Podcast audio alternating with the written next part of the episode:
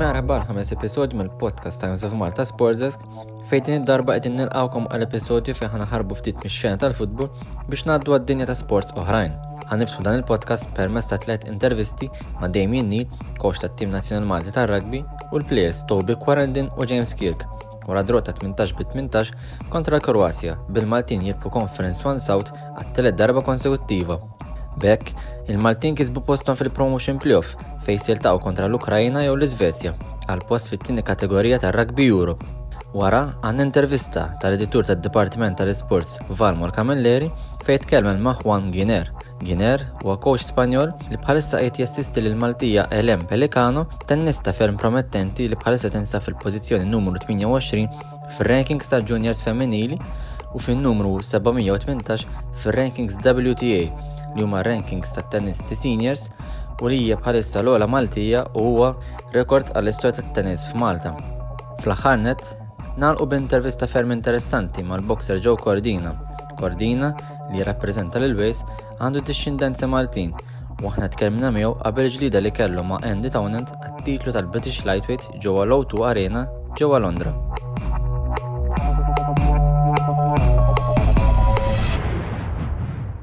As you expected, it was a tough match after all. Oh yeah, def- it was definitely a touch match. Uh, I think we didn't show up as we would have liked the first half, and that cost us. Uh, but then we showed some grit and some spirit second half, and, and really tried our best. Just couldn't get enough points on the board. And uh, Croatia played a really good game. You feel that that's a certificate of that, the improvement that this conference has made after all. Oh, definitely, there was a lot of big players on their side, and uh, it was taking two of us to take down one of those. So then they're uh, they're always going to get numbers out wide. But, uh, they were a good side, a very good side today, and uh, I wish them all the best for their conference now. Now back to the playoffs for a third time. Playoffs are always tough, so you're you expecting a tougher challenge now? Yeah, I'm just going to review this game and then I'll think about the rest afterwards.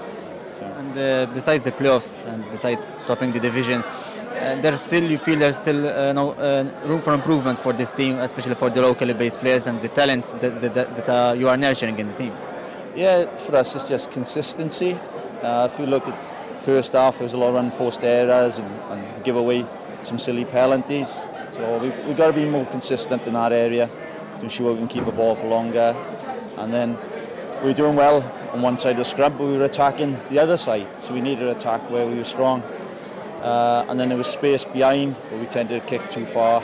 Uh, so we give them the ball. And there's, there's lots of areas we can improve on the pitch. Uh, and that's going to start off the pitch. At the end, it was a very tough match against Croatia. I think it, it was expected though. Uh, yeah, uh, I think they prepped really well. Uh, you've got to give credit to them. They put out a really good side. Um, with the wins, they played the tactics really well in the first half and kept us under pressure. Uh, but for us, I think it was great determination to bring it to bring it back uh, and to get that draw in the end. Do you feel there were any particular differences between your strengths and Croatia, or you feel it was very, very tight and the margin of error was very thin? I think it was really tight, as it shows on the scoreboard. Um, however, I think uh, energy-wise, I thought we brought a load of energy. The crowd was absolutely fantastic, which always really, really helps us. Um, I think I think the scoreline reflects um, how, how equal we are at the moment. Uh, uh, to add to that, I think the development uh, that we've got going on on the island is absolutely fantastic, as it shows with the, th- the young boys coming through. Um, and I think for the likes of Ben Borge makes a massive difference coming on. Um, the turnover of players is absolutely brilliant to see. So. Now a bigger challenge lies ahead in the playoff. You feel that you will uh, have the same challenge or maybe a bigger one? I think it's always a challenge when you step up. The level is completely different. Um, for the last two two times we've tried to go up, and we, we were we were set with really tough tough uh, tough losses playing away uh, both times. Um, obviously, again going back to the home crowd, they make a massive difference for us. Uh, they bring loads of energy. Uh, but we'll do our best. We'll prepare uh, as well as we can, and uh, I think it's just another exciting opportunity to show what, our, what us as an island we can we can do. It was a draw against Croatia. You showed a lot of resilience and determination to get uh, to the playoffs. Um, you expected such a tough match. Yeah, we knew the, the Croatians always come at us strong and the, the, the big set of big set of guys. So they brought the physicality to us today, uh, and we were a bit slow, a bit disappointed in that first half, um, giving too many penalties, let them play territory a bit.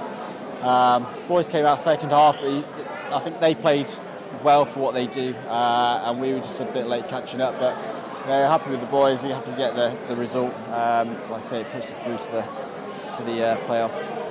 With Croatia taking the lead in the first half and going into the halftime uh, ahead, do you feel that the breakthrough of the game, the turning point for you was when Toby did, did the try, maybe triggered you? Yeah, like the wind, the wind today um, helps anyone playing down. So we knew that with the wind we'd be able to play much better territory game, like what Croatia did to us that first half. Um, but yeah, half time it was good to just regroup, speak to Damian, and just just see what what's going wrong, what we need to fix, which um, was a good little reset for us. Now back to the playoffs. Do you expect an equal or even a tougher challenge now?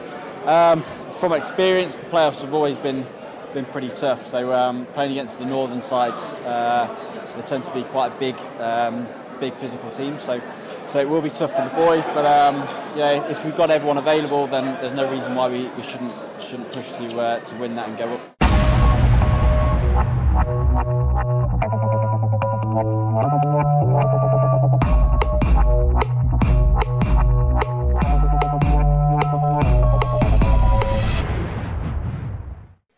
Allora Juan, ti ringrazio di aver accettato eh, di avere questa intervista con noi.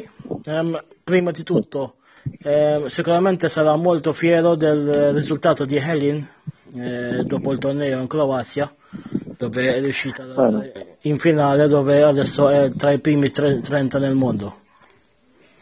Prima di tutto grazie a voi per l'intervista, un piacere. Eh, no, per noi cerchiamo di andare sempre tra giorno tra giorno, no? non cerchiamo di vedere più lontano. Adesso ho finito l'allenamento questa mattina, cerchiamo di fare l'infocus nell'allenamento di questa sera e così andiamo a questa età una progressione normale di ogni giorno imparare tanto, tanto, tanto. No, non pensiamo, ho fatto un buon torneo a, a Croazia, è vero la settimana scorsa, però no, non cerchiamo di andare più lontano, può andare bene, può andare avanti, però è una etapa di formazione unicamente che no, l'importante è che lei impari ogni giorno, ogni giorno tennis, tennis, tennis che aveva un gran futuro. Adesso no, non c'è grande importanza, però è meglio vincere, sì, sempre è meglio vincere. Mm.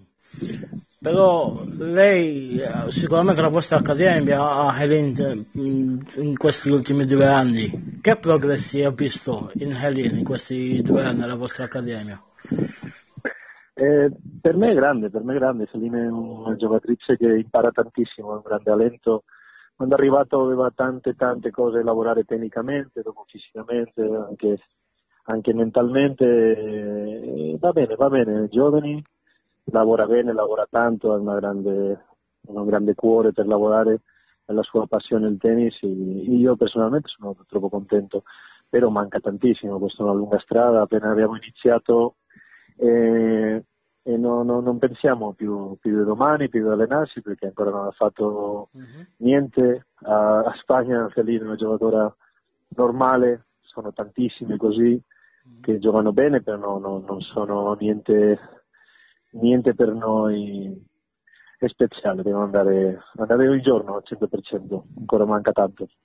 Quest'anno Helena ha fatto il suo debutto anche nel Grand Slam dove nel doppio con, eh, con Marta Custis è arrivata fino al quarto di finale nel doppio. Sì. Eh, quanto ha dato a Helen sicurezza in se stesso aver fatto il debutto? No, mira, eh, veramente ti, ti dico, eh, no, non abbiamo mala fortuna perché giusto prima di Natale Felina ha fatto un infortunio alla gamba, ha fatto una rottura e non si è potuto allenarsi fino al 2 o il 3 di gennaio prima di andare a Australia e quando è ritornato ha fatto una grande inflammazione al rischio. Eh, praticamente all'Australia non abbiamo, non abbiamo giocato, ha iniziato a giocare un po' il doppio, però peccato, ma la fortuna perché lei era, tu sai, piccola, uh-huh. Simone Slan con 16 anni e sempre carica, però bueno, andavo, non, non, non, non è riuscito poi anche a allenarsi un giorno prima di iniziare l'Australian Open. Uh-huh e bueno, adesso sta un po' meglio, già, già fa un mese così, nel mezzo che per fortuna non, si infortuna.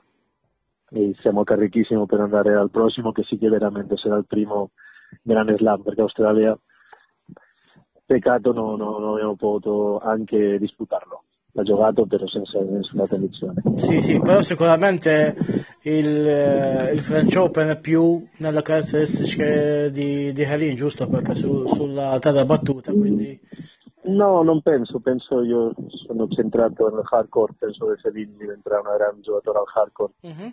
E dopo in clay è normale, siamo, siamo Spagna, Malta, Mm. anche Europa si gioca tanto in clay, sono la nostra superficie normale, però Helin diventerà, penso per me, stiamo lavorando per andare più al hardcore che dove, Mhm. dove dopo il circuito professionisti eh, praticamente l'80% dell'anno si gioca sul hard. Ma bueno, sì, al clay gli piace, non c'è problema giocare clay. Mm. Ehm, adesso i, i vostri programmi in, in termini di poche settimane, cosa si fa prima del, del French Open? Prima French Open, eh, questa età che sono 16 anni, eh, eh, noi cerchiamo di fare un mix perché è importante che giochi il Juniors Tour. Per giocare un grande torneo, adesso giocheremo la Bonfiglio, giocheremo Roland Garros e dopo facciamo un mix con il WTA, Selina è un ranking buono per la sua età che è 700 dal WTA, che adesso con tutti i cambi che hanno fatto l'ITF è un po' difficile andare dentro de- del quadri dei professionisti, però cerchiamo sempre di fare un mix, giocare il WTA e con un torneo junior, perché già è un'età che, dove già il fisico la riesce a fare un po' già tante settimane un po' più, prima era difficile perché era ancora bambina. Ma lei è, è sorpreso di quanto, de- del potenziale che ha Eli? Potenziale no, no, no, no, ti giuro, no, non, perdiamo un secondo nel potenziale. Il potenziale si verrà, deve lavorare tanto, deve imparare tanto, è giovani e no, no, no, non perdiamo un secondo nel pensare un ranking, un potenziale. Questo si verrà, dipenderà tanto da lei come che tutto andrà bene.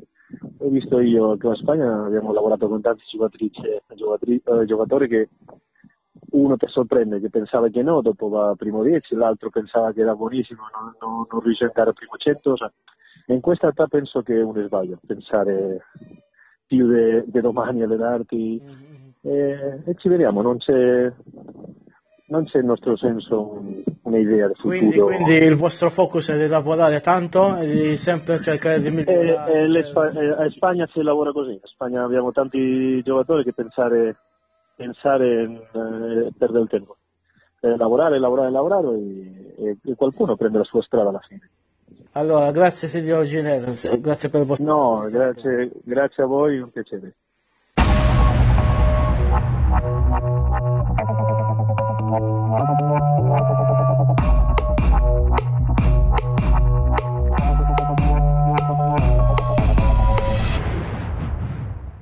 So you you will be fighting an important fight uh, for the vacant British lightweight title. Um, could you take us through your preparation and also your expectations for this fight? Well, my preparations have been unbelievable. I couldn't have asked for, for, for a better camp, really. So, yeah, I'm uh, expecting to have a have a good fight and uh, come out victorious on the night. But yeah, he's um he's, he's a good opponent, strong opponent, and I'll look to I'll look to have a, a tough night, but come away with a victory. And this, um, correct me if I'm wrong, this will be your third title fight, so you are used for such pressure for such a fight. Yeah, this will be my my third. Um, I've got a WBA um, international title, uh, Commonwealth title, and this will be fighting for a um, the vacant British title. So, yeah, it'll be my third uh, major title.